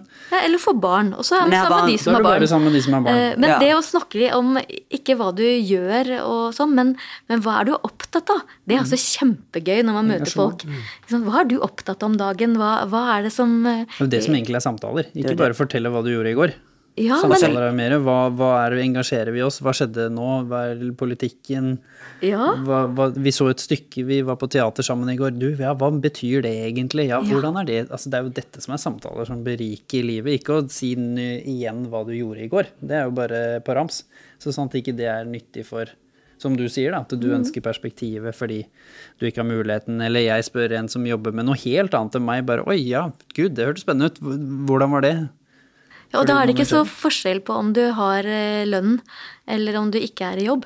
Nei, det var det jeg ville ha en replikk til, for det er så viktig at det ikke bør Ja. koste noe å være sammen. Ikke sant? Ja. Det er så viktig å, å tenke på. Så altså, ingen må jo se den prislapp på å være sammen og snakke sammen. Altså, det, altså, passer det, så kan du gå og ta en bedre middag. Plutselig en dag har du råd til det, og så passer det. Men som du sier, det kan like godt være koselig å ta en termos og sitte ute i, altså, Da må jo ikke være en prislapp på å være sammen. Altså, det, det, det trenger ikke koste så mye som en eneste krone. Men da må man være bevisst på det, da. Fordi Ja. dagens samfunn, spesielt i, kanskje spesielt i byer, hvor det er liksom ofte som Litt også fordi man kanskje ikke har så mye plass. Så det er liksom, det er jo, for oss hjemme hos oss så kunne ikke jeg plutselig liksom Det er så vidt jeg hadde hatt plass til dere tre, på en måte. Så, så det er jo ikke naturlig å be på lag. Så da blir det jo sånn Hei, skal vi gå på restaurant? Skal vi gå på kino? ja. ikke sant? Så det er jo bare det å Bevissthet tar deg veldig langt. Det er derfor så flott hun tar det opp. deg. Ja, Jeg syns det var så bra hun nevnte akkurat det, at folk tenker litt over det. at det trenger ikke være For der kan du òg liksom spørre hva, hva passer for deg. Altså hva Har du økonomi til å gå der og der, eller har du lyst til å gjøre det bare veldig Trenger ikke si økonomi, det var trenger ikke å veldig spørre dårlig. engang, Nei. tenker jeg. For det er litt Nei, sånn, noen ganger så må man jo skjønne det litt selv også. Men Ja. man kan også spørre hvis man er usikker. Men da selvfølgelig kanskje spørre på en måte som ikke liksom eksponerer det foran alle Ja. sammen. Da kan man sende en SMS. Tenk deg, jeg tenkte vi skulle på kino, det koster så mye. Hva tenker du om det? Ikke sant? Og så kan man gjøre så enkelt, eller så sier man du, det er den store kinodagen i dag, så i dag er det faktisk halv pris. Så i dag er det bare X. Skal vi dra i dag og se den filmen? Fordi da, da viser jo jeg allerede litt eh, form for forståelse, da. Det er det du gjør. Det var veldig rart sagt av meg. Det var ikke sånn jeg mente å si det i det hele tatt. her er det så ikke noe galt så- og riktig å si. Nei, men det var ikke sånn, du, Selvfølgelig spør du ikke om du økonomi, men, men hva er riktig for deg? Hva, hva har du lyst til å møtes hen, og hva, hva passer det i forhold til din dag? Altså, det var det jeg i grunnen ville fram til. Eller si at det var, det var så hyggelig å snakke med deg i går. Jeg var jo så Ja. sliten da jeg kom fra jobb. Så godt at jeg fikk liksom snakke med deg, og jeg har lyst til å gi deg en gave. Vil du være med på kino? For eksempel. Ja, altså, den der nemlig. Ja. følelsen at, at det som man kan bidra med, har en verdi for andre også. Og det gjør vi jo til vanlig òg. Det er jo ja, hele tiden inviterer noen fettere, en venn, eller Ja. hvor du sier nei, nei, ikke tenk på det denne gangen, du tar neste, eller Det er jo sjelden eh, De fleste av oss er jo ikke sånn at vi hver eneste gang liksom gjør opp for oss selv hver gang. De fleste Nei, av oss har jo et forhold til det å, Å å dele. dele litt. Det gir meg veldig mye å gi noe. Det er akkurat det. Det gir meg veldig mye. Altså, jeg gleder meg altså Det er et sånn godt eksempel. Jeg gleder meg kjempemye til at noen skal pakke opp mine pakker som jeg har lagt sjela i, kontra at jeg skal pakke opp en gave sjøl. Jeg setter selvfølgelig veldig pris på det, men det trenger ikke koste noen ting. er Det er bare et, bare et kort. Altså, nå fikk jeg just en sånn kalender av min søster med sånn koselige ord og uttrykk på at jeg skal åpne hver luke i desember. Altså, jeg tror det koster nok ikke all verdens, men så jeg begynte mest å grine når jeg fikk den òg, for jeg er så lettrørt om dagen. ikke sant? Så jeg kan tro jeg gleder meg til 1. desember til å åpne den første luka med noen sånn fine ordtak, og tenker på søstera mi hver dag når jeg åpner den. og ikke sant? Så, Tid er jo det dyreste vi har. Ja, det er det ene som alle har. Så det koster jo mer å gi fra seg tid, kanskje spesielt i dette samfunnet. Ved tid ved å ha lagd noe, tid ved å møte deg, tid ved å høre på deg, tid ved å gjøre noe sammen, enn det å kjøpe noe. Det har du det er jo veldig forskjellig fra folk til folk. Og så er det jo så interessant når vi snakker sammen, for det er jo det som er det gøye og det interessante, syns jeg, da. At vi har det fellesskapet. Og, og, og kanskje er det noe vi kan åpne opp for i samfunnet, som dere gjør her også. At vi, møtes og snakker sammen. Ja. At vi deler erfaringer. Jeg syns det er så utrolig bra med hele konseptet bak Human Aspect og dette, denne podkasten. At vi kan få lov til om. å dele erfaringer. For vi er så like når det kommer til stykket. De er så viktige, det de gjør, at jeg, jeg, altså, jeg er så stolt av å få lov å kalle meg ambassadør for The Humans Aspect. Jeg måtte jo spørre Jimmy for å lov å si det. Dere er alle ambassadører, da, sånn som vi Ja. sa. Så det, det er Ja, ikke vi er alle bare vi ambassadører. Tenker, tenker ikke på det, vi, når vi De tenker ikke det på sånn. det, men, jeg, men hvor stort det var for meg, og at når du sa at dere er alle ambassadører for The Human Aspect, det var stort for meg. Jeg ble stolt. For jeg syns dere gjør en sånn fantastisk Nå har jeg sett altså, ifra, Det har skjedd mye med meg fra mars til i dag, Og jeg har satt meg inn i veldig mange ting, og veldig mange organisasjoner, og veldig mange ting du har blitt invitert på, og alt. Men altså, her er det bare det, det, Jeg kan ikke rose dere nok. Rett og slett. Ja, men jeg mener det. Altså, for en viktig ting dere gjør hver eneste dag. Det må jo være veldig givende òg. Det er det. Ellers hadde jeg vel gult opp. Nei, dere, ja, men dere bruker jo Jeg ser jo dere er jo på 24-7. Ja, det er, det er, et eller annet eh, energi i engasjement. Men det går jo tilbake på det vi sa også, hvis vi skal summere opp litt om på slutten. Det er vel det at du sier det også, Bente, bygger jo litt det samme på det som vi sa i stad. Mm. Følelsen av verdi. Så da blir jo sånne ting som kanskje man i et vanlig hektisk liv hadde sett på som ja, ja, det var jo én ting. Hvor jeg også da den lettheten kan tenke jo, men det er jo alle. Men så for noen av de hos oss som føler seg da virkelig sett og hørt, føler seg ivaretatt i møte med podkasten eller intervjuet, og hvor resultatet blir bra, mm. så plutselig så er denne ambassadørtittelen også en veldig viktig anerkjennelse av verdi. Enorm. Både i form av å bli trodd, i form av at historien din har verdi, den er lik alle andre inn i plattformen, og din mening og dine tanker bli hørt. Og det blir jo gjerne ikke hørt av én lenger heller, det er jo tusenvis eh, av mennesker over hele verden. Men det ja, gjør det også spennende. Noe. Altså, ja. Du føler virkelig du betyr noe når ja. du møter dere. Og det er så mange hjemme som ikke har visst om The Human Aspect, men liksom jeg nå får jeg høre mest daglig Du, jeg lytter til noen av de episodene. Herlig, det var interessant. Og jeg lytter til noen, og takk for at du delte det, Bente, for det var gøy. Jeg visste ikke om hva det er. Å, er det de samme som har hverdagssyken? Sier du det? Ja, da må jeg inn og høre på den. Altså, så sånn, bare den bevisstgjøringa, altså hvor lille meg faktisk bare har klart med den lille ting. Og tenk hvor mange der er av, av meg. Hvor mange dere er så flinke å møte hver dag. Nei, altså, jeg, jeg sier det igjen, jeg tar av meg hatten altså for den jobben dere gjør. Jeg, ja, vi er ingen andre som deg, Bente, men vi har 700 andre Hæ? Vi er ingen andre som deg, Bente, men vi har 700 andre flotte mennesker som har vært med å dele. Kan jeg ta det som et kompliment? Ja, ja. Vi liker unikhet. Det er ingen andre som meg heller, for å si det sånn. Det er en, en, en fascinerende skrue. Er. Ja, men da, det oppe her, jeg bare tenkte på, med, Begge to nevnte jo skam i starten. Jeg tenker at hele prosjektet her er jo på en måte en sånn skamreduksjonsprosjekt. Det at dere liksom velger å gå ut og, og være ærlige og private, og du eh, og lager en arena for det. Det er helt avgjørende, for jeg har også tenkt det også som psykolog, jeg skulle ønske at flere kunne være flue på veggen inni disse timene. Jeg tror det hadde vært en kjempebehandling i seg selv, bare for å høre sånn Å ja, jøss, de kjenner på det, liksom. Det, det, er jo tydeligvis helt normalt. Og det er så enormt mye man ikke som, som jeg får høre der, men som, som skjer her etter forumet her, da. Så um, skamreduksjonsprosjekt er jo fint å være med på. Absolutt. Mm. Og også det at vi føler oss representert med, med tanker og følelser i den store verden. og det kjenner jeg jo på når jeg skulle hit. da, så, så hadde jeg jo tre gode venner som jeg sa nå, nå, skal jeg få lov til å snakke. Hva er viktig? Og så hadde vi disse gode samtalene også i forkant, hvor vi fant ut at vi, vi tenkte jo det samme. Vi, vi, hadde jo en sånn felles mening som jeg får lov til å komme med på vegne av meg privat, men så vet jeg at andre også har det sånn. Eh, og, og hvis jeg kan ønske meg noe, så er det at flere eh, som podkaster og, og deler, eh, deler, meninger, kan vite at det, det er så godt å bli representert. Absolutt. Ikke sant? Og jeg var litt frimodig eh, før 17. mai for et par år siden. Og så sendte jeg inn et dikt som ble lest på Slottsplassen under NRKs eh, TV-sendinger. Gratulerer. Eh, ja, eh, og, og, det som var så sterkt med det diktet, var jo mine personlige erfaringer. Men jeg fikk høre effekten de ordene hadde i eteren. Det var noen som sa 'Hør, nå snakker de til oss fra TV-en' de, de, de, har regna med oss. De vet hvem vi er. Så dere er med å, liksom, spre hva det er å være menneske. Det er jo virkelig det vi jobber for her òg. Det er jo derfor ja. det er spennende å ta alle temaer. fordi for oss er det jo selvfølgelig alle små og store temaer er jo viktig. Vi, jeg er jo en nysgjerrig figur, så det er jo hovedkjernen her. At jeg syns det er spennende å høre om alt mulig. Som, og gjerne ting som jeg kanskje ikke forstår så mye selv. Da, sånn at man kan få litt innsikt. Og det er Men også både fagperson og ekte menneske. For det glemmer man ofte. Det kan være Du inviterer eksperten ikke sant, til å fortelle historien, eller så inviterer man gjerne da den med levd erfaring, men vi ønsker jo begge to. Fordi det er to forskjellige versjoner av på en måte den samme virkeligheten. Den ene er jo det du føler og det dere føler og står i. Men det andre er også ja, men hva betyr det? Hvordan er det? Og så tror vi på da, at disse to sammen gjør det litt lettere for mennesker som ikke har stått i det, å forstå.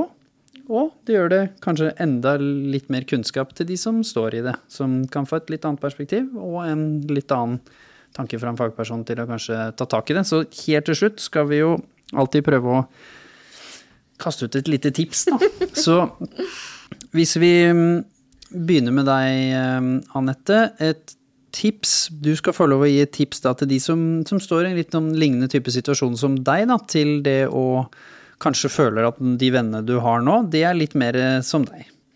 Hva tenker du er et tips til folk som står rundt mennesker de vet er i din situasjon? Hvordan kan de høre på det du sa nå, og gjenskape den kontakten med noen som står i din situasjon der ute? Ja, jeg ville blitt veldig lykkelig hvis noen spurte meg om liksom, jeg har lyst til å være sammen med deg. Eh, hva kan vi gjøre som eh, funker? Hva har du lyst til? Eh, jeg har lyst til å tilbringe tid med deg. Eller jeg har lyst til å vite hvordan du har det. Eller jeg er nysgjerrig på hvordan er livet. Nå er det lenge siden vi har sett hverandre. Og det er jo sånn etter korona, så er det jo mange som på en måte skal ut og møte verden på nytt igjen. Og, og akkurat sånn kan det være å ha vært syk lenge og borte. Altså, Vi kjenner jo på de samme måtene at vi må gjennom noen barrierer. Så spør. Eh, hvordan har du det? Jeg har lyst til å møte deg. Kan vi treffes? Kan vi ringes? Kan vi facetimes? eh, og, eh, så det å tørre å stille spørsmål, det å, eh, å, på en måte minne hverandre om hva vi har felles som mennesker, med mimre Mimring er veldig bra. Og, og gi hverandre denne sjenerøsiteten, tenker jeg. Begge veier. Til fagpersoner der ute. Fagpersoner som møter da mennesker som har falt utenfor arbeidslivet, og hvis vi på en måte skal bygge det litt rundt på de store blokkene som vi har trukket frem i dag, da. Hva tenker du er en litt sånn ekstra viktig påminnelse til fagpersoner der ute, som er i møte med mennesker som, som har falt utenfor arbeidslivet? Jeg tror det er å ikke være for rask. Altså ta deg tid til å sette deg ordentlig inn i den opplevelsen. Det er et sånt perspektiv i psykologien som heter not knowing-perspektivet. At du begynner helt på scratch, og så må du egentlig finne opp eh, Du må finne på en måte opp eh, forståelsen din eller modellen din hver gang du møter noen nye. Og, det, det, betyr ikke at man aldri skal bruke noen modeller man har fra før, og sånn, det gjør jeg også, men for å forstå den personen så må du egentlig gå helt og stå ved siden av den og få et bilde som er så tydelig som mulig eh, før du liksom eh, går videre. Da. Så det er tipset. Bente, hvis du skal komme med et lite tips til de som står i en litt lignende type situasjon som deg, som da har havnet i en ufør situasjon, men som da har kanskje en litt større eh, antall timer i hverdagen som de kan bruke til noen form for eh, bidrag. Hva Har du et lite tips til de da, om hvordan de kan gjøre det på den litt mer utradisjonelle måten som dere begge to har gjort, da, enten i form av liksom bøker eller foredrag. Liksom, hvor begynner man? For det, det er jo en veldig skummel ting når man står der. Og spesielt kanskje hvis du har vært utafor en stund, da. Der merker jeg nå at jeg høster veldig av den erfaringen jeg har hatt. Det er sånn at uh, venninna sa til meg nå får du igjen for alt det du har holdt på med fra jeg jobber på en liten butikk til å være hotelldirektør, ikke sant? så jeg merker jo og selgeren i det kommer fram, og alt sånn. Så, altså, det, det, er jo så individuelt. Du, du, må jo liksom ta det som funker for deg. Men det å starte et enkeltmannsforetak er iallfall en veldig lett ting. Og prøv å skaffe deg gode folk rundt deg. Altså Bruk alt det du har av ressurser rundt deg, for mange har, innehar så mange ressurser som ikke de vet at de har. Jeg ser bare det nettverket jeg har fått i Oslo nå, er helt unikt. Og det er jo via at jeg har ei søster som bor der. Og det, der er leger, der, der, der er sykepleiere, der er pressesjefer. Der, og, og, alle har blitt mine venner og kommer med gode råd til meg hele veien. Så jeg bare ser at med å bruke det nettverket som allerede er der, så tror jeg faktisk at veldig mange kan komme veldig langt.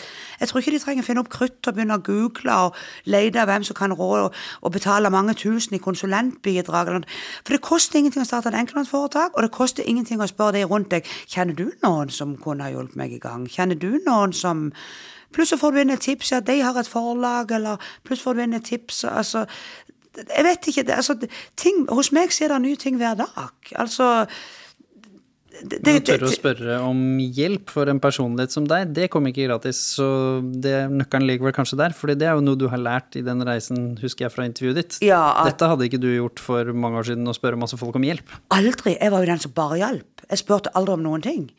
Men nå er det sånn at etter hvert som folk har begynt å tilby sin hjelp, så er det lettere for meg å føle Og så begynner jeg jo alltid liksom for å si Kan jeg spørre deg om det før jeg skal der og det? Jeg kan betale for det, altså. Ikke sant? Og ja, litt sånn så du har jo satt meg i kontakt, og liksom sånn alle Jimmy sine venner er mine venner, ikke sant. Altså bare sånne ting, å kjenne litt folk. Du, altså, du er jo en kjemperessurs eh, for så veldig mange, ikke sant. Og, og ja, du er en mester i å sette sammen folk, og du ser hvem som passer sammen. Og, så, så skal, det er forskjell på å bruke nettverket enn å utnytte nettverket. For en skal aldri utnytte noen. Aldri.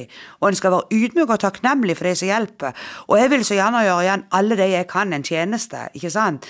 Men, men de som er gode i seg sjøl, altså når jeg gjør noe for noen og alltid har gjort i hele mitt liv, så har jeg aldri forventa å få igjen noe. Og den dagen jeg eventuelt får en blomsterbukett, eller så setter jeg jo så pris på det at jeg men, men jeg forventer heller ikke å få noe igjen, for det gir meg så mye å gjøre det. Jeg vet ikke om det er godt nok tips, men, men jeg syns iallfall det er godt. Bruk ressursene rundt deg. Ikke misbruk de, men bruk de. Og, og sett pris på de, og tør å spørre om de.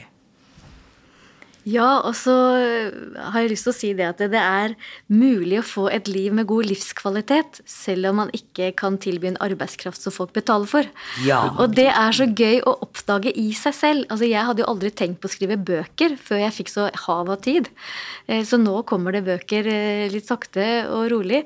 Og, og plutselig så begynte jeg å lage musikk. Jeg visste ikke at det gikk an.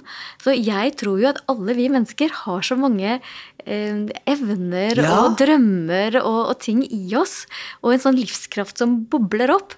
Så, så eh, mens vi venter på å kunne liksom bli igjen eh, ytere i et sånt arbeidsliv, så går det an å ha god livskvalitet. Det går an å finne mennesker som vil jobbe sammen med deg om egne mål. Og, og det går an å ha det godt på tross og trass.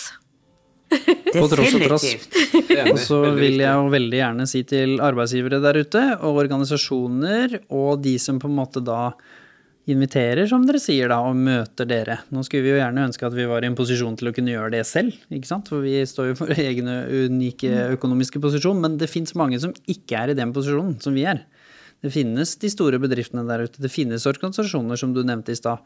Hvis dere da inviterer inn da, ressurser som Anette eller Bente eller andre av våre flotte ambassadører, eller folk der ute som sitter på noe dere ønsker, så ta nå og betal for det som dere betaler for alt annet, da så kan dere i hvert fall virkelig være med der og bidra, og behandle de også som dere behandler alle andre speakers. Jeg holdt jo mye foredrag gratis i starten, jeg òg, men da var det viktig å i hvert fall bli behandla som de andre. Da blir du spurt på den samme måten, du får bli med på lunsjen som du nevnte i stad, du får tilbud om å være med på konferansen gratis. Altså, det er jo masse elementer i det å vise takknemlighet overfor noen som gjør noe, som hjelper å bygge på den verdien som man har. Og hvis du da møter noen som kanskje i tillegg er ufør, men har en viktig ressurs og en stemme å komme med, så kan du kanskje ha i bakhodet at den kanskje er enda viktigere for denne personen enn den såkalte da stressa personen som lever det vanlige A4-livet, og som kanskje har 100 andre ting hvor de føler på takknemlighet og verdi. Kan du kanskje tenke at du kan gjøre en fantastisk tjeneste ved å betale lite grann, og behandle de som alle andre, for det fortjener selvfølgelig ressurser uansett. Tusen hjertelig takk for eh, innsikt og innspill og meninger og tanker fra alle sammen. Tusen takk. takk Fint å være her. Tida fløy av gårde. Dette var Ja, det er så det spennende å sitte og snakke. Tusen takk til alle som hører på. Eh, og husk, del episoden som vi snakket om. Dere vet aldri hvem rundt dere som trenger å høre det her. Og husk å tenke litt ekstra, da, som vi sa. Er det noen du kjenner som du kanskje ikke har hørt fra på en stund? Spør hvordan det går, og så ser du hva som kommer ut av det. Tusen hjertelig takk.